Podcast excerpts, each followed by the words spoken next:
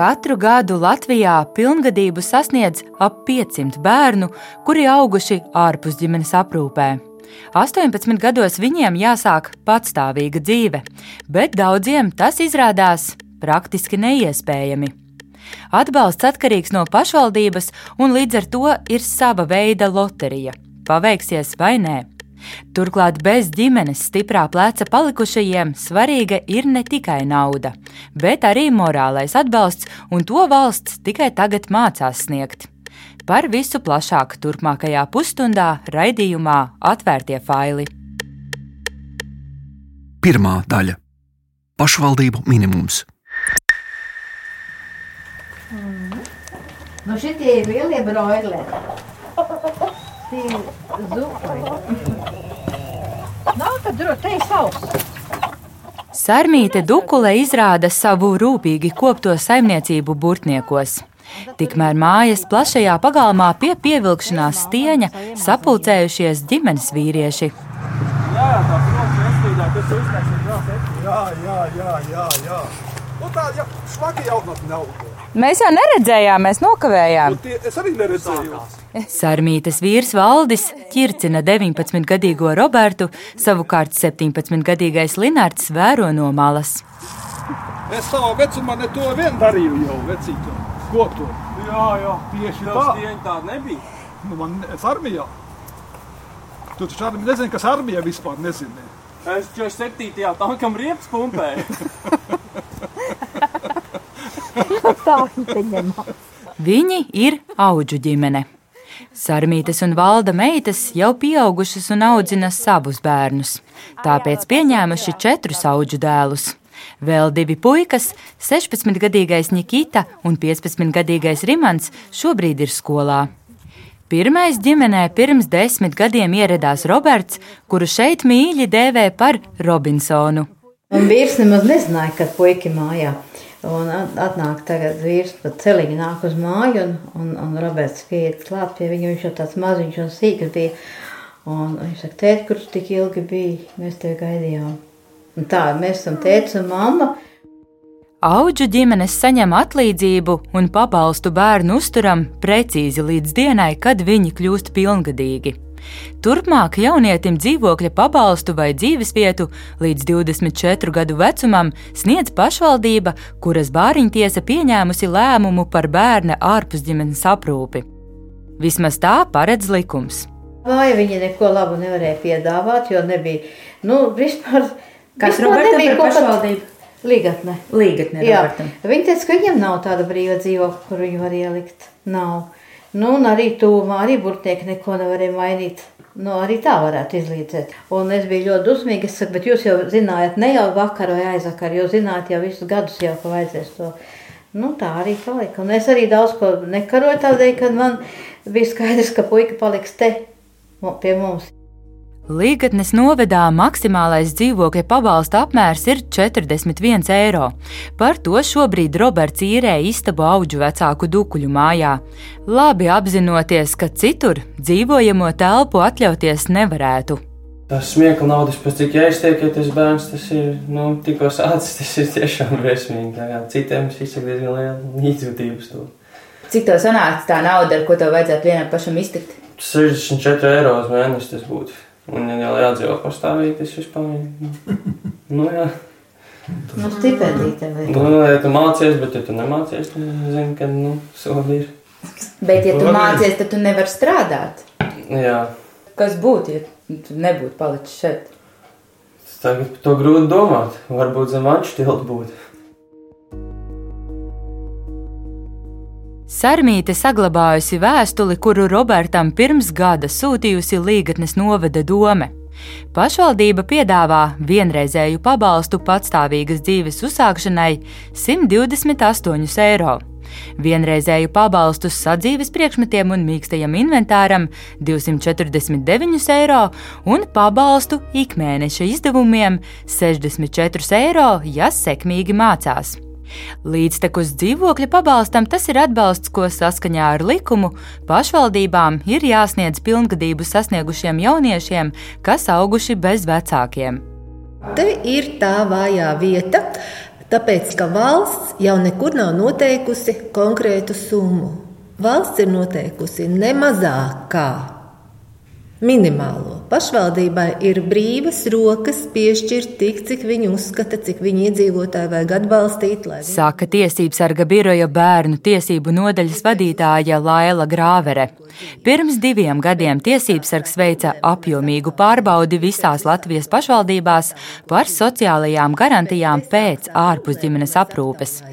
Ka nu, lielākā daļa pašvaldību, nu, pārliecinoši lielākā, nu, no 119, piemēram, 110, būs tās, kas arī neatkāpsies un maksās to minimālo, par kuru mazāk nedrīkst maksāt. Turklāt svarīgi nianses, ka tā, tas minimālais uh, pabalsts ir noteikts kur 2008. un 2005. gadā. Ja? Jā, tas valsts sociālā nodrošinājuma pabalsts, kam viss ir piesaistīts. Bet tas pabalsta apmērs nav mainīts kopš 2005. gada, un tolaik tā bija puse no minimālās algas. Minimālā alga ir šobrīd eh, cēlusies krietni, ja, bet pabalsts ir palicis. Toreiz tā bija puse no minimālās algas, un tāds viņš arī ir palicis 64 eiro šobrīd. Nirgāšanās par cilvēku, viņas prāt, ir vienreizējais pabalsts sadzīves inventāram, jeb tiesības sarga birojā dēvētais pūriņš, kas domāts tam, lai jaunietis savu dzīves vietu varētu aprīkot ar visu nepieciešamo.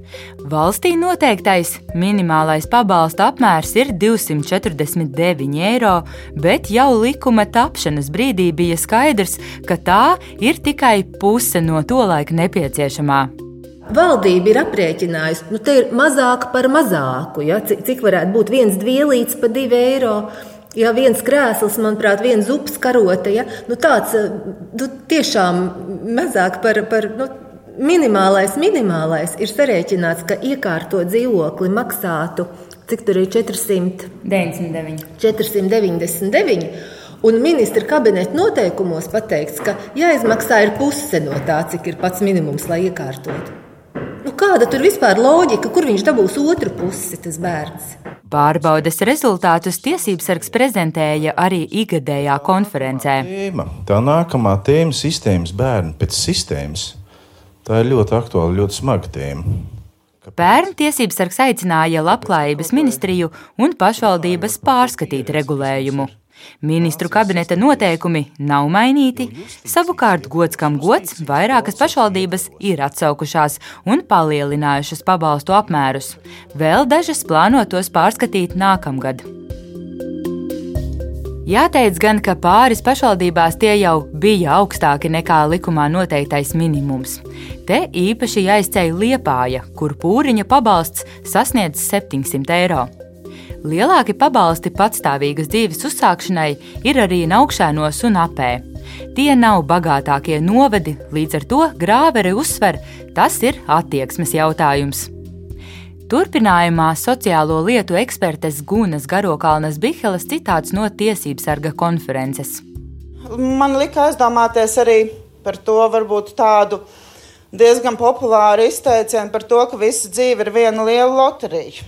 Diemžēl Eh, šis mazais bērns ir piedalījies loterijā jau tajā brīdī, kad viņš neizvēlējās pats, kādos apstākļos viņš ir piedzimis, kas viņu sagaida, kādas krīzes traumas var viņu piemeklēt. Un, diemžēl viņu sagaida nākamā loterija, kas notiek tajā brīdī, kad viņam ir 18 gadi, tā loterija ir tā, kurā pašvaldībā viņš ir piedzimis. Likumā nav noteikts minimālais dzīvokļa pabalsts. Vien teikts, ka ierādītajām telpām jābūt dzīvošanai derīgām. Pāris dzīvokļus novados apskatīja tiesības sarga speciālisti. Bija labi piemēri, diemžēl neiztikt arī bez sliktajiem. Nu, ir tās telpas dzīvošanai derīgas, ja mēs tā skatītos pēc likuma burta, ir dzīvošanai derīgas, bet tas viss iekārtojums, aprīkojums ir tik ārkārtīgi morāli novecojis, ka viņš iedzen depresijā tā vide, kādā tas bērns tiek ielikts. Nu, vai tur, piemēram, sausā tolete, nu, tādā paskatā ēdienu gatavošanai, malkas plīts, apdrupusi. Līgatnes novada domas priekšsēdētājs Ainārs Steins stāsta, ka dzīvojamais fonds novadā ir problēma, gluži tāpat kā citviet Latvijā. Pārasti gan dzīvokļi tiekot pietaupīti šādiem gadījumiem un pirms ierādīti kādam arī tiek izremontēti. Roberts pats esot vēlējies īrēt istabu burtniekos. Tas maksimālais pabalsts, tie 40 eiro, jūsuprāt, ir adekvāts? Noteikti. Es domāju, ka viņš nav adekvāts.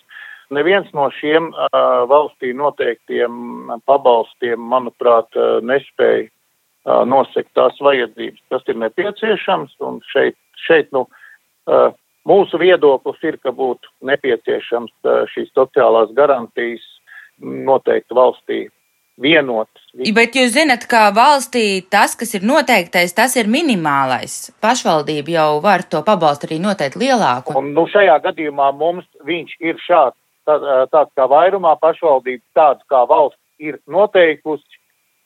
Ja valsts noteiktu lielāku un vislabāk, ja tas būtu vienots visā valstī, es domāju, pašvaldībai absolūti nekādas problēmas nebūtu izmaksāt šo pabalstu arī uh, savādākā griezumā.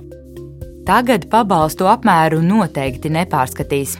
Priekšsēdētājs nostāju saista ar administratīvi teritoriālo reformu. Ja līgatnes saviem šobrīd ārpus ģimenes aprūpē esošajiem četriem bērniem varētu piešķirt lielākus pabalstus, nav zināms, vai to spēs jaunais Cēsu novads. Jo tas labāk palīdzēt to brīdi, kamēr viņš iegūst profesiju un darbu atrod. Un tad ir cilvēks pats savā dzīvē, viņš ir nodokļu maksātājs, nevis vēl uz pašvaldības budžeta. Bet es nezinu, kāpēc pašvaldībām ir tik ļoti tūredzīgs tas skatījums, ka mēs ietaupīsim tagad, un viņš aizies uh, un dzīvos pēc tam līdz, uh, līdz vecumdienām uz pašvaldības budžeta, ja viņam nepalīdzēs nostāties uz kājām pēc pilngadības. Bez vecāku gādības palikušie bērni dažus gadus pēc pilngadības vēl var pretendēt uz valsts atbalstu, apgādnieka zaudējumu, pensiju vai uzturlīdzekļiem, kas nedaudz pārsniedz 100 eiro, taču tos nesaņem visi jaunieši.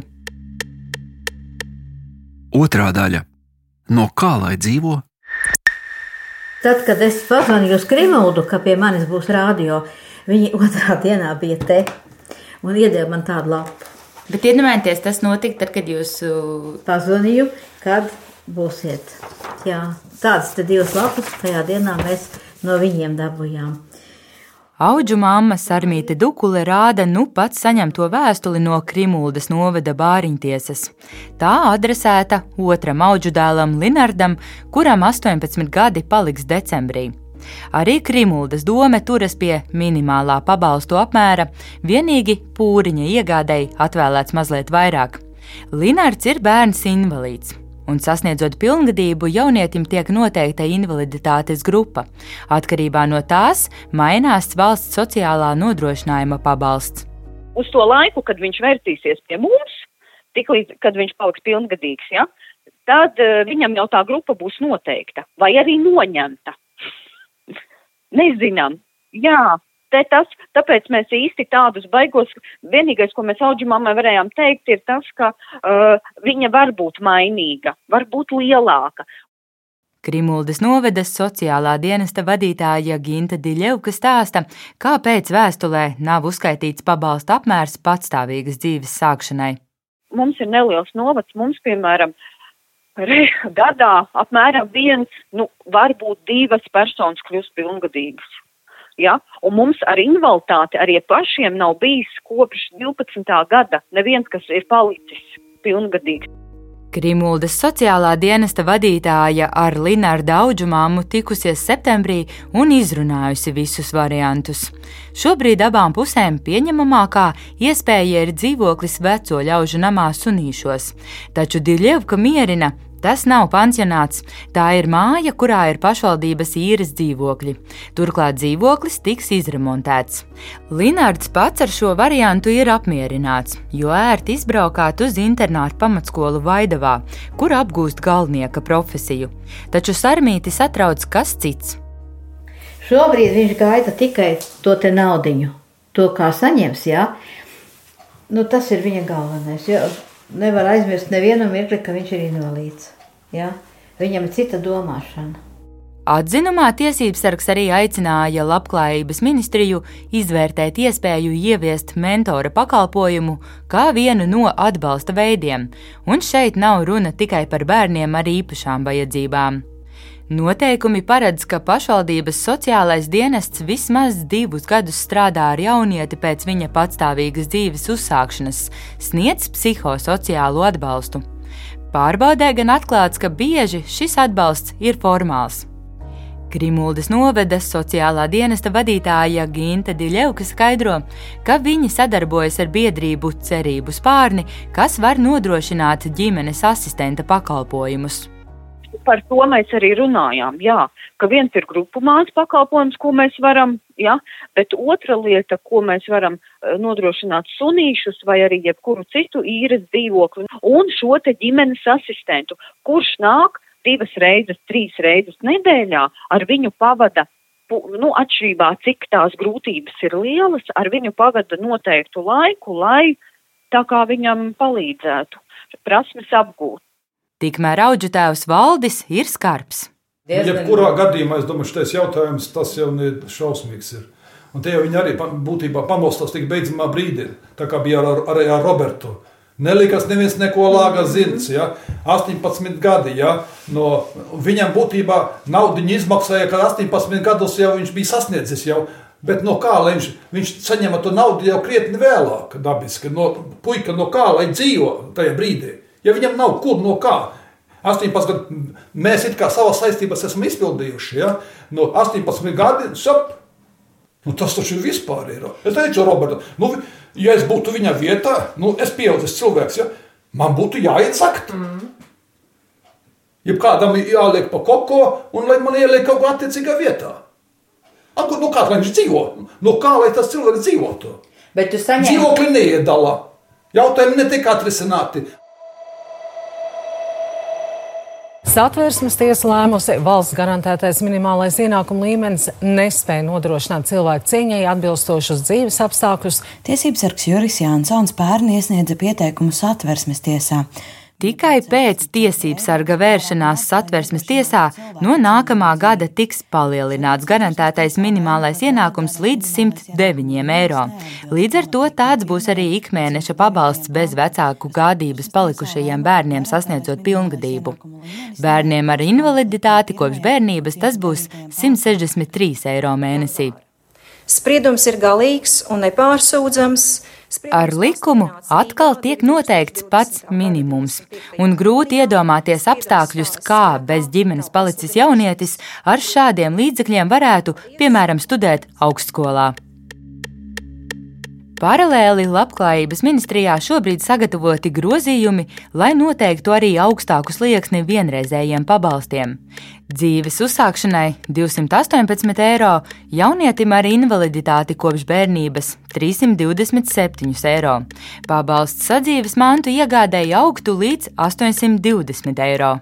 Droši vien pašvaldības nebūs mierā nebūt ar šādiem. Jā, jo šobrīd arī ļoti atšķirīga praksa ir.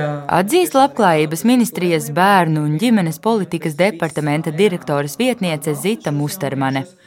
Mēs domājam, ka arī ar šo vajadzētu tomēr kaut kā izstrādāt vienotus mehānismus, lai nebūtu kaut kāda diskriminācija atkarībā no tā, kurā pašvaldībā jaunietis ir deklarēts vai kurā pašvaldībā viņam ir tiesības saņemt šos pabalstus. Drīzumā priekšlikumus iesniegs izvērtēšanai valdībā. Trešā daļa - mentors.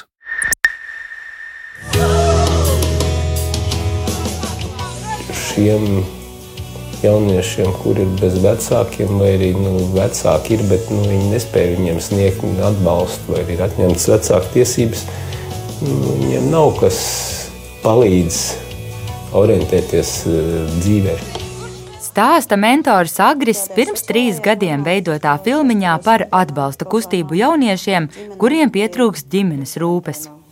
Sākumā, kad es iegāju bērnamā, es pīpēju, labi, droši teikšu, pīpēju zāli, dzēru, pīpēju cigaretes, bet tagad, kad es esmu ar Reinu kopā, es pilnīgi par to vairs nedaru.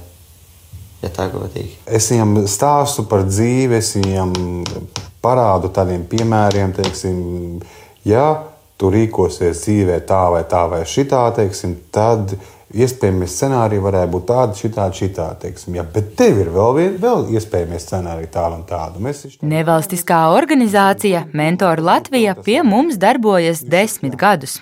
Turpina tās pārstāve Līva Rancāne. Tas, ar ko mēs lepojamies, tas ir katrs tas mazais sasniegums. Tiešām viens jaunietis ir iemācījies dzīvot patstāvīgi, saprot, ko nozīmē maksāt rēķinus, iemācījies apieties ar kredītkarti un apzinās to, ka viņš ir pats atbildīgs par savu dzīvi. Kāds cits jaunietis ir atradzis vasarā darbu, ir atradzis mentoru programmā jaunus draugus, arī tas mums ir sasniegums. Mentoru programma Latvijā adaptēta no Zviedrijas. Katram jaunietim ir savs pieredzējis padomdevējs, abi tiekas neretāk kā divas reizes mēnesī. Viņiem piešķirta arī kabatas nauda līdz 160 eiro gadā brīvā laika pavadīšanai. Latvijā mentoru programmas vajadzība būtu teju katrā pašvaldībā. Iepriekš mentoru programma darbojās arī Jelgavā un Tukumā vairākus gadus, bet nu, resursu taupīšanas dēļ mēs arī šo programmu turpinājām tikai Rīgā. Mentoru atbalsts līdz šim lielākoties ir bijis uz sabiedrisko organizāciju pleciem. Labklājības ministrija līdzīgā projektā pirmo reizi iesaistījās tikai 2018. gadā. 27 jauniešiem nodrošināja mentoru, 6 jauniešiem arī finansiālu mājokļu atbalstu gada garumā. Tas bija ļoti, ļoti tāds, mēs gribētu teikt, vērtīgs pasākums. Un... Ministrijas pārstāve Zita Mustermane stāsta, ka šogad projektā iesaistīti jau 50 jauniešu, un to īsteno biedrība Gaišo domu platforma. Ministrijā plāno iesākt to turpināt. Ja mums pirmajā gadā mēs to darījām ar tiem jauniešiem, kas tuvu, tuvu jau tūlīt sasniegs pilngadību, un tad izējot ārā, lai viņi jau saņemtu šo atbalstu. Tagad mūsu tā doma ir, ka tomēr šis mentora atbalsts ir jāsāk sniegt jau savulaikus, jau 15, 16 gadi. Ir jā, jāieliek jau viņam šī kultūras izpratne, izglītības izpratne, Jo laicīgāk ar šo bērnu sāk strādāt, jau viņš jau 18 gados izjūt, ir tomēr jau, es gribētu teikt, krietni sagatavotāks par to, nekā kad ar viņu sāk strādāt 5 minūtes pirms pilngadības. Ramona Liepiņa Krauja pat laban ir mentore kādam 15-gadīgam jaunietim no bērnu nama ārpus Rīgas. Viņa nevēlas nosaukt konkrēto iestādi, bet dalās pārdomās par vairāku gadu garumā uzkrāto pieredzi. Viņas prāt, bērnu namu sekas izjutīs vēl ilgi.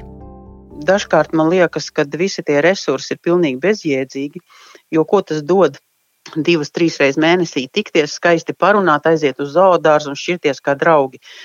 Tur jau ir vajadzīgas lielākas iestrādes, tur ir jābūt. Tur ir jābūt lielākam darbam un, un, un tādai aizmugurēji, jāsaprotiet, tādai tā kā apmācības bezmaz programmai. Pusauģa motivēšanā jāiesaistās ne tikai mentoram no malas, bet arī iestādes personālam. Viņš nemāk tēju, cukuru pielikt. Ja? Viņš pieliek četras karotītes cukuru, viņš nesamaisa. Ja? Es redzu, ka šeit neaudzina cilvēkus ar domu, ka es būšu pilnvērtīgs sabiedrības loceklis. Šeit audzina un iet uz to, lai viņš dzīvotu uz pabalstiem. Pirmkārt, viņam nemāca to, ka viņam savi rēķini būs jāapmaksā pašam. Viņam nemāca to, ka viņam ir jāplāno šie izdevumi, tas draugu lokus arī jāierobežo, jo draugi ļoti labi zina, kurā dienā viņiem ir šī naudiņa, ja? un tad viņi visi ir klāt, un trīs dienu laikā viņam nekā vairs nav. Un tad ir tā, ka viņš sēž labākajā gadījumā, viņam, viņam iedots kaut kāds dzīvoklis, viņš sēž tajā tukšā dzīvoklī bez nekā, vai vienkārši sāk, nu, zakt vai, vai, vai kaut ko darīt tādu, ja? Labklājības ministrijā norāda, apzinoties problēmu, šobrīd tiek gatavota semināru programma, kas būtu jāapmeklē jebkuram ārpus ģimenes aprūpes pakalpojumu sniedzējam.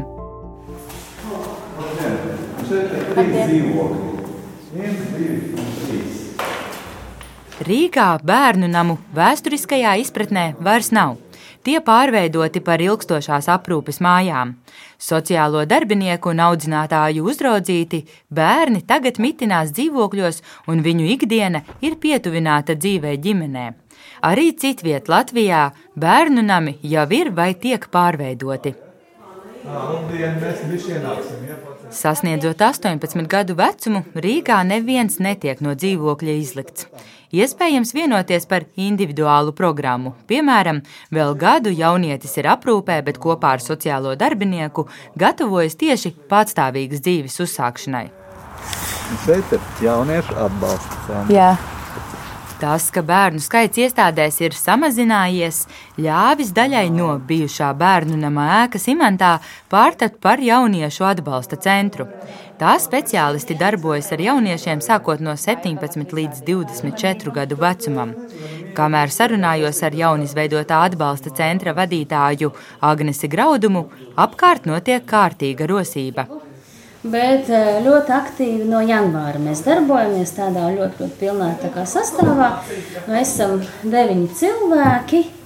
Kuri pārņēma darbu ar jauniešiem, kas ir sasnieguši pilngadību, bet tad tie ir bērni bāriņi. Viņi visi nāk šeit kā ambulatori. Šeit nav tā kā stacionārs, tad kaut kāda izmitināšana, bet viņi nāk ambulatori, kārtot savas sociālās vajadzības, nāk pēc padoma, nāk arī uz konsultācijām, gan pie sociālā darbinieka, gan pie jaunas lietas speciālista, arī pie psihoterapeita. Atbalsta centrs daļēji pārņēmis sociālā dienesta funkcijas, palīdz noformēt dokumentus, meklēt dzīves vietu, iekārtoties darbā vai uzsākt mācības. Taču Agnese Grauduma novērojusi, ka pārsvarā jauniešiem svarīgākais ir satikt cilvēkus, kuriem viņi rūp. Bija puisis viens, kurš bija neaktīvs puisis. Izrādās, viņam bija vienkārši problēmas ar līgumiem un iepriekšējiem darbiniekiem. Nu, nebija stipra vēlme viņam palīdzēt, tikt ar tiem līgumiem galā. Un mums tā vēlēšanās bija. Mēs paņēmām līgumus, sākām skatīties, kas tur nav rīktīgi. Mēs viņam ieteicām mainīt dzīves vietu. Atradām dzīvesvietu, un šobrīd puisis īrē šo dzīvokli, iekļaujās visos normatīvajos tajos aktos, un viņam viss ir. Un braucām vienā reizē ar viņu no sporta spēlēm, kad mums bija Baltizarā. Viņš man saka, paldies. Es saku, par ko tu man saki paldies? Viņš saka, paldies, ka jūs tādi esat. Es saku, bet ar ko tu mēs esam tik ļoti savādāki? Viņš saka, jums tā kā interesē, kas ar mums notiek. Tas tā bija patīkami.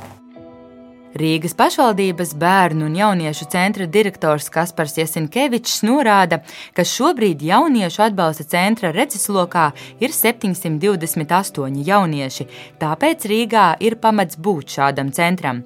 Visticamāk, mazākās pilsētās jāmeklē cits risinājums, bet galvenajam mērķim vajadzētu būt iemācīt jaunieti kļūt patstāvīgam, nevis nostāties uz sociālās palīdzības ceļa.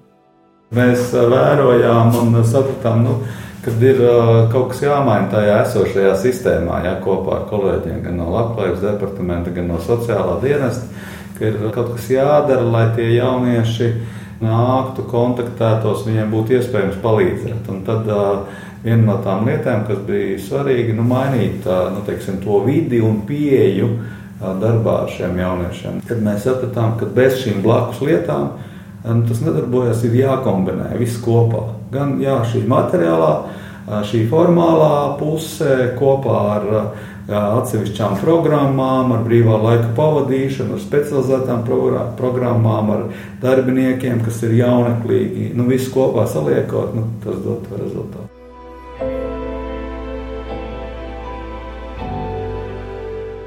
Raidījumu veidoja Baiva Runce, Anita Brauna un Reinis Budze.